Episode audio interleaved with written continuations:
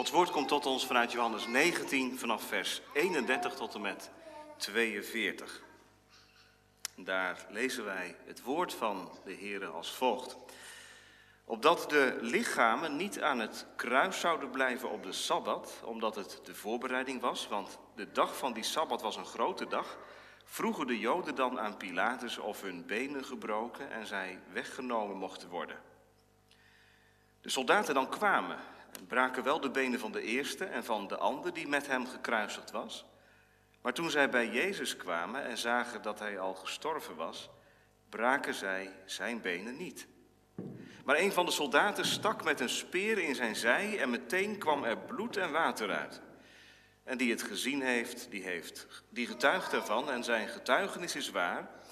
En hij weet dat hij de waarheid spreekt, opdat ook u gelooft.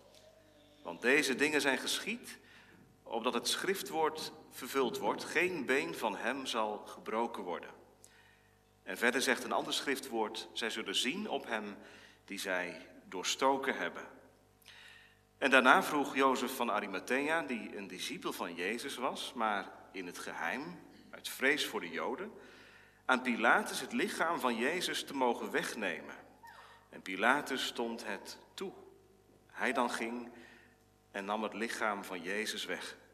En Nicodemus, die eerst s'nachts naar Jezus toegekomen was, kwam ook en bracht een mengsel van mirre en aloë mee, ongeveer 100 pond.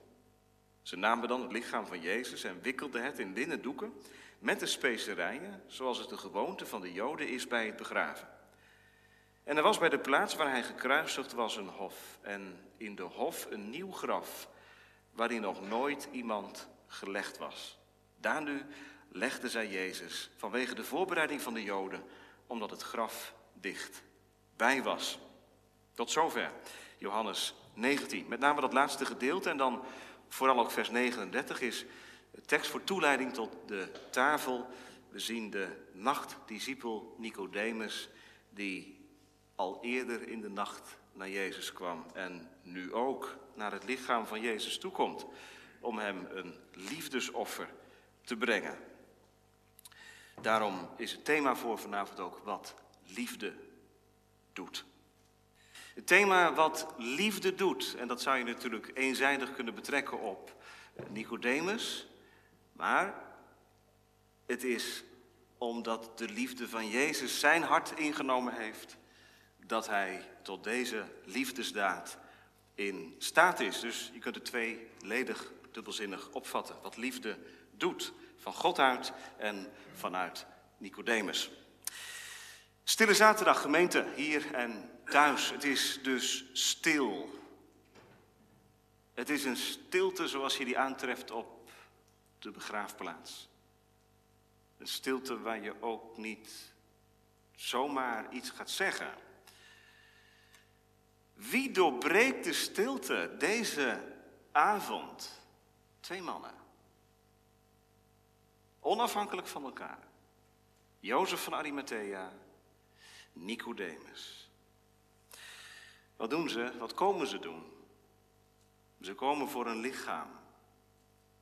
Voor het lichaam van hun zaligmaker. En beide doen ze hun werk in het verborgen, uit vrees voor de Joden. Dat staat van Jozef van Arimathea, in het geheim, vers 38. En ja, van Nicodemus verwacht je het eigenlijk niet anders, hè? We kennen hem eigenlijk alleen maar als de man die s'nachts op pad gaat. Waarschijnlijk ook uit vrees. Johannes 3, daar treffen we hem voor het eerst aan als hij s'nachts naar Jezus toe gaat. En hier opnieuw, schuchter, op de achtergrond, in het verborgen. En ze komen tevoorschijn als Jezus gestorven is. Je zou zeggen te laat. Het is allemaal inmiddels achter de rug. En nu zijn ze er. Ze vinden elkaar. Twee mannen. Ze vinden elkaar. Waar? Ja, waar anders? Dan bij de gekruisigde. Die nu de begravene is. Dat is toch wonderlijk, gemeente? Dat deze twee broeders, want dat zijn het inmiddels geworden, dat deze twee broeders elkaar vinden in het lam en bij het lam.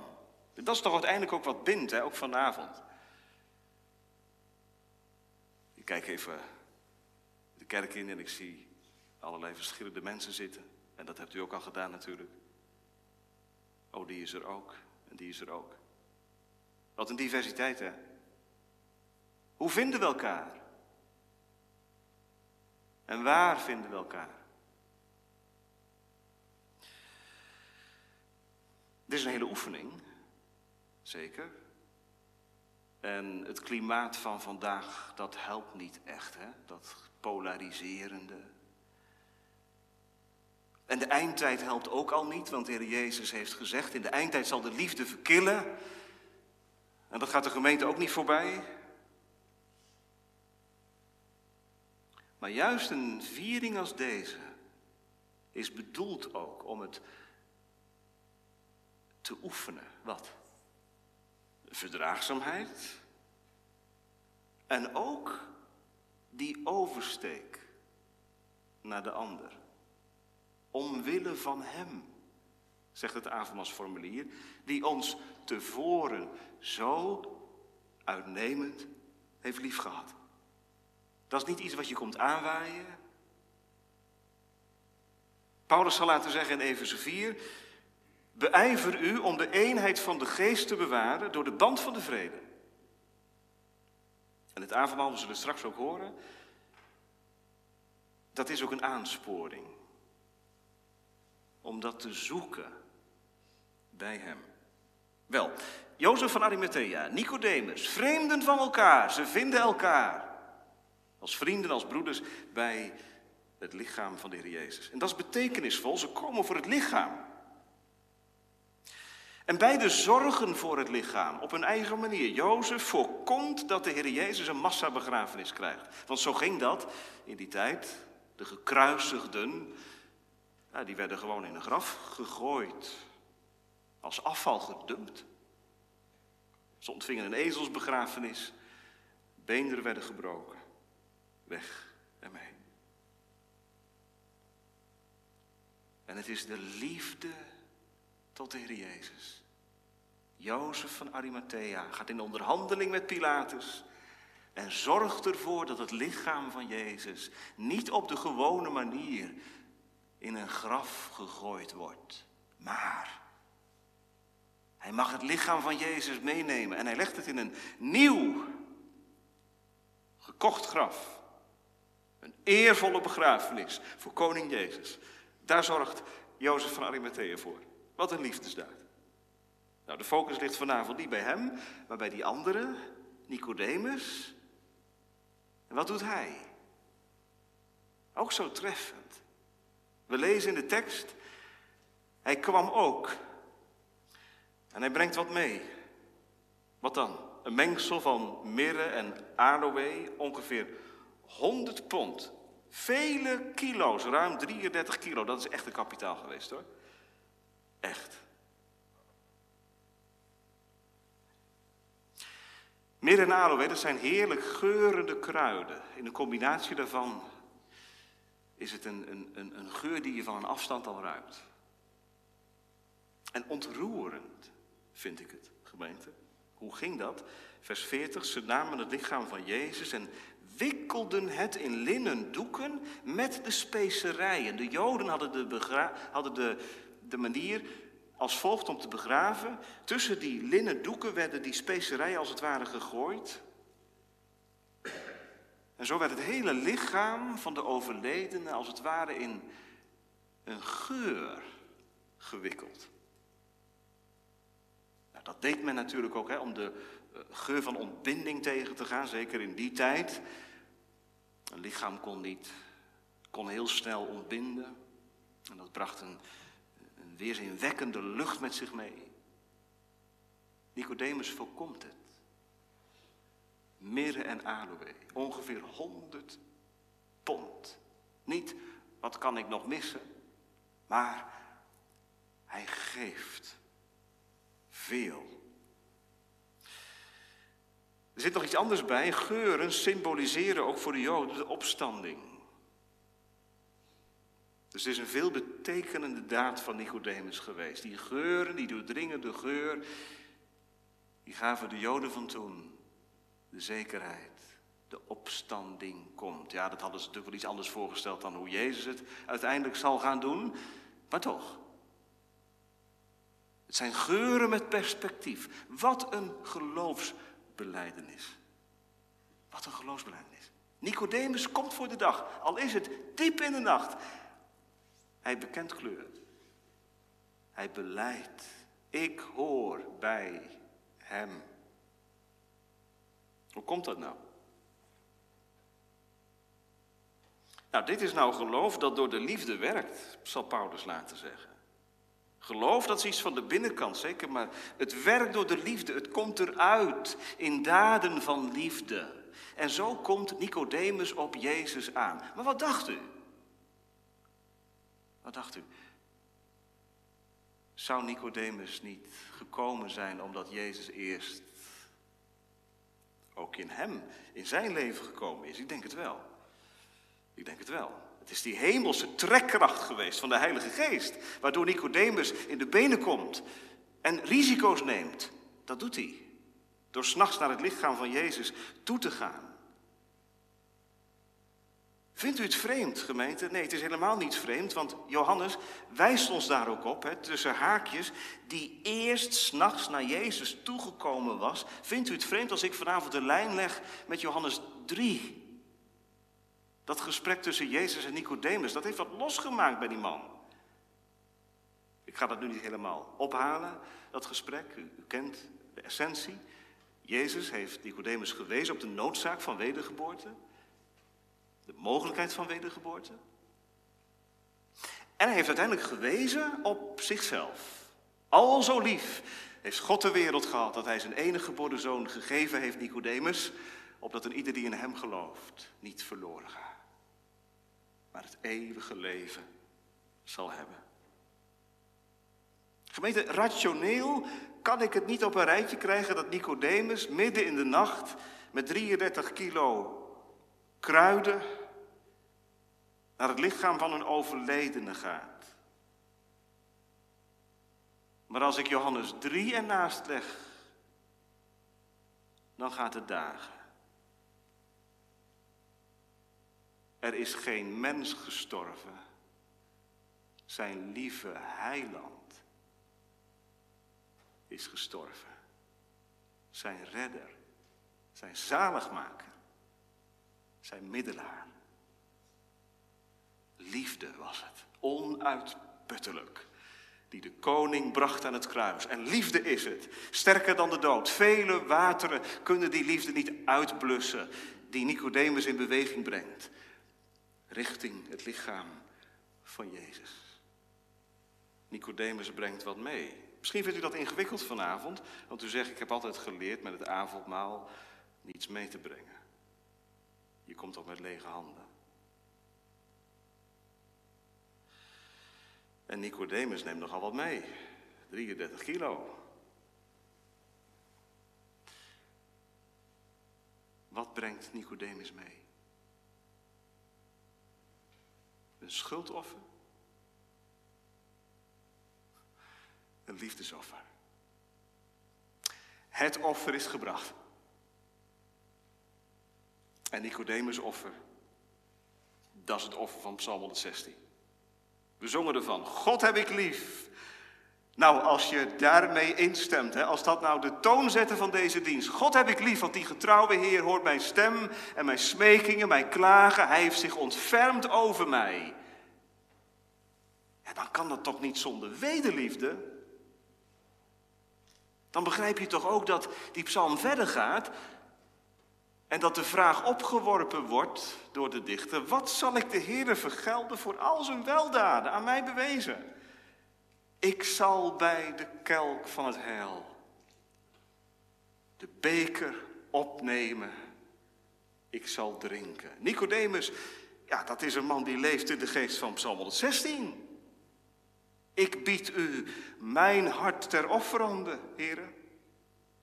En dan zijn die 33 kilo specerijen, ja, dat is, maar, dat is maar een schijntje. Het gaat maar om mijn hart.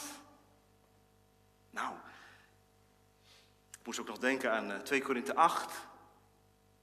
De gemeente van Macedonië, een arme gemeente, die geeft overvloedig aan de moedergemeente in Jeruzalem. En dan zegt Paulus, en daar gaat het mij vanavond even om, hoe komt dat nou? Hoe, hoe, kun je dat nou verklaren? Dat zo'n arme gemeente heel veel geeft aan een andere gemeente. Ze kunnen het zelf goed gebruiken. En dan zegt Paulus, wat is het geheim? Ze gaven zichzelf eerst aan de Heer. En daarna aan ons. Nicodemus, kun je het missen? 33 kilo, dat gaat om duizenden euro's. Kun je het missen? Hij gaf zichzelf eerst aan de Heer. En dan heb, heb je het eigenlijk niet meer over, ja, hoeveel. Het is een liefdesoffer. Wat brengt u mee vanavond? Ik heb niets in handen, zegt iemand. Hoeft ook niet. Je hoeft geen 33 kilo specerijen mee te brengen. Maar bied je vanavond wel je hart ter offerande. Waarom? En dan hoop ik dat je zegt, waarom? Het lam is voor mij geslacht. Het schuldoffer is gebracht. De verzoening is aangebracht. En dat is zo'n wonder. Ik mag er door het geloof in delen. En ik mag er vanavond van eten en drinken. Het is de liefde die mij in beweging brengt. Zijn liefde wekt mijn liefde. Hij voor mij. Nog even over die, die geuren. Ik zei al, die geuren die zijn bedoeld om die andere geur, die lijklucht, te overheersen. Nou, dat lukt wel met zoveel mirre en aloe. Maar er zit nog iets anders achter. Want wat staat er in Psalm 16? Wat was de belofte van Psalm 16? Dat God zijn heilige geen ontbinding zou laten zien. Paulus zal dat laten citeren in Handelingen 13. Als hij in een preek dit citaat verweeft. En daarmee laat zien Jezus is werkelijk opgestaan, want zelfs in het graf heeft God niet toegelaten dat zijn zoon ontbinding zou overkomen. Dus eigenlijk zit er iets van een belofte in. Als Nicodemus die specerijen tussen die linnen doeken laat vallen, dan is dat vervulling van de belofte. Gods zoon zal opstaan. Rond Jezus hangt niet de geur van de dood gemeente, ook vanavond niet, maar de geur van het leven. Hij is wel gestorven, maar hij zal opstaan. We hebben hier geen begrafenismaaltijd, maar een opstandingsmaaltijd. Het lichaam van de gekruiste is het lichaam van de opgestane. Beloftevol. En daarmee, gemeente, gaan Jezus' eigen woorden in vervulling. In de stille week is het maandag aangehaald door broeder van Rossum, dat woord uit Johannes 12. De zaadkorrel die in de aarde moet sterven om vrucht voor te brengen. Als een zaadkorrel niet in de aarde geworpen wordt, zal die geen vrucht voortbrengen. Dat is dat onlogische dat iets moet sterven om leven voor te brengen. En dat zie je hier gebeuren, nu al.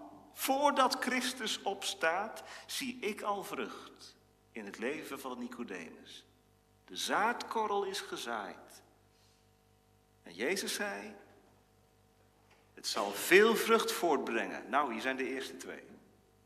Jozef van Arimathea, Nicodemus in het holst van de nacht. Ze komen naar hun zaligmaker toe, die voor hen aan het kruis gestorven is. En ze brengen hen, hem hun eer en hun liefdebewijs. Wat moet het daar heerlijk geroken hebben, denkt u niet? Vreemd, hè? Bij dat graf. Wat moet het daar heerlijk geroken hebben? Ik heb het eigenlijk nooit zo bedacht, ook niet richting Johannes 20. Hè. Als we dan lezen, dat zullen we morgen horen, dat de steen van het graf afgenomen was, en dat die doeken daar nog liggen. Het moet daar heerlijk geroken hebben. 33 kilo specerijen. Dat, dat blijf je dagen ruiken. Aan het evangelie gemeente zit wat dat betreft echt geur. En ook smaak. Vanavond proef je het. Wijn en brood. Smaak en geur. In de voorbereiding kwam ik een citaat van Calvijn tegen, wat ik vanavond aan u doorgeef. Het is eigenlijk een beschamend citaat. Calvijn zegt, als Nicodemus in de nacht, niet zonder risico's, Jezus gezalfd heeft, hoeveel schandelijker is het dan als wij, terwijl hij is opgestaan en terwijl hij in de hemelse heerlijkheid regeert, hem niet beleiden als onze zaligmaker. Nou, dat is wel een zin waar je over nadenkt. Voordat Christus is opgestaan, komt Nicodemus voor de dag. Hij beleidt dat Jezus redder is en wij. Terwijl de zon is opgegaan, zouden wij in de duisternis blijven? Wat schandelijk als we Hem niet beleiden als onze zaligmaker.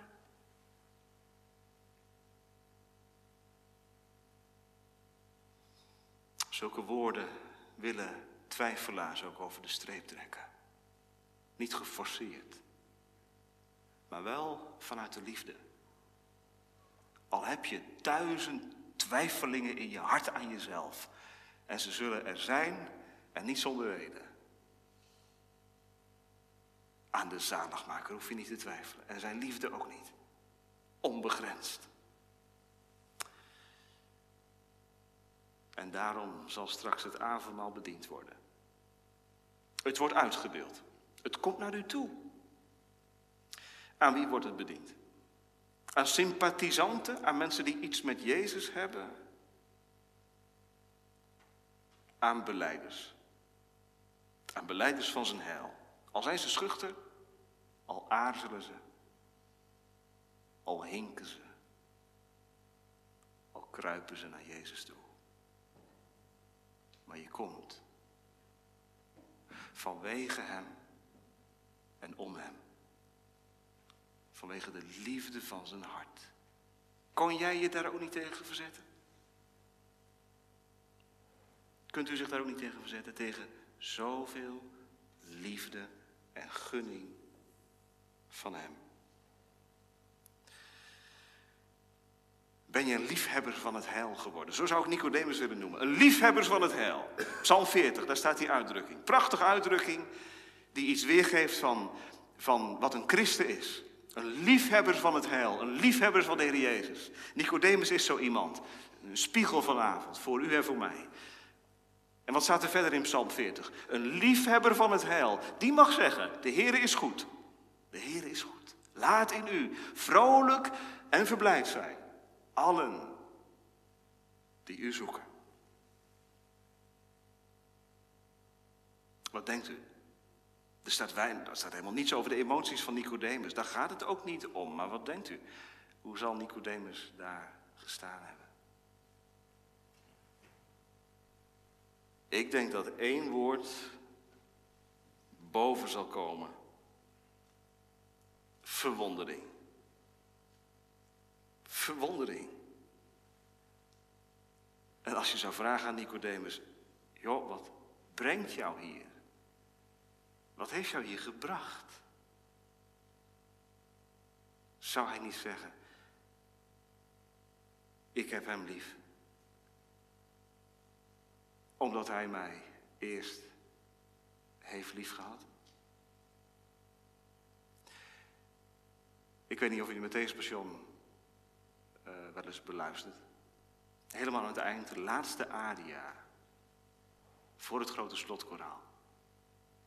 Is de aria die gaat over de begrafenis van Jezus. Mag dich mijn Hetzerijn. En dan doet Bach iets heel opvallends. Hij gebruikt een koraal, hij schrijft de muziek voor.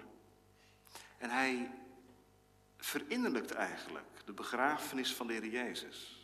Wat hier als een, als een feit wordt neergeschreven. Dat geeft Bach een plek in het leven van het geloof. De aria zingt.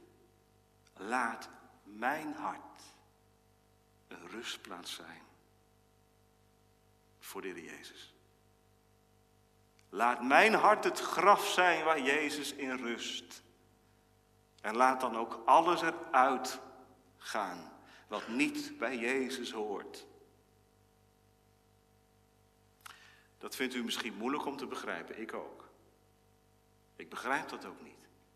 Maar weet u, omdat wij zo beperkt zijn en ook omdat het geloof zo gebrekkig is, heeft die lieve heiland die tekenen van brood en wijn gegeven. Om het ons des te beter te verstaan te geven. Hij voor mij, hij in mij. Dat doet liefde. Hem toe-eigenen. Omdat hij mij van de Vader geschonken is. En zo zit ik met Nicodemus vanavond in verwondering in de kerk. En komt het straks naar me toe. Dierbare zaligmaker. Ik wijd u mijn hart. Amen.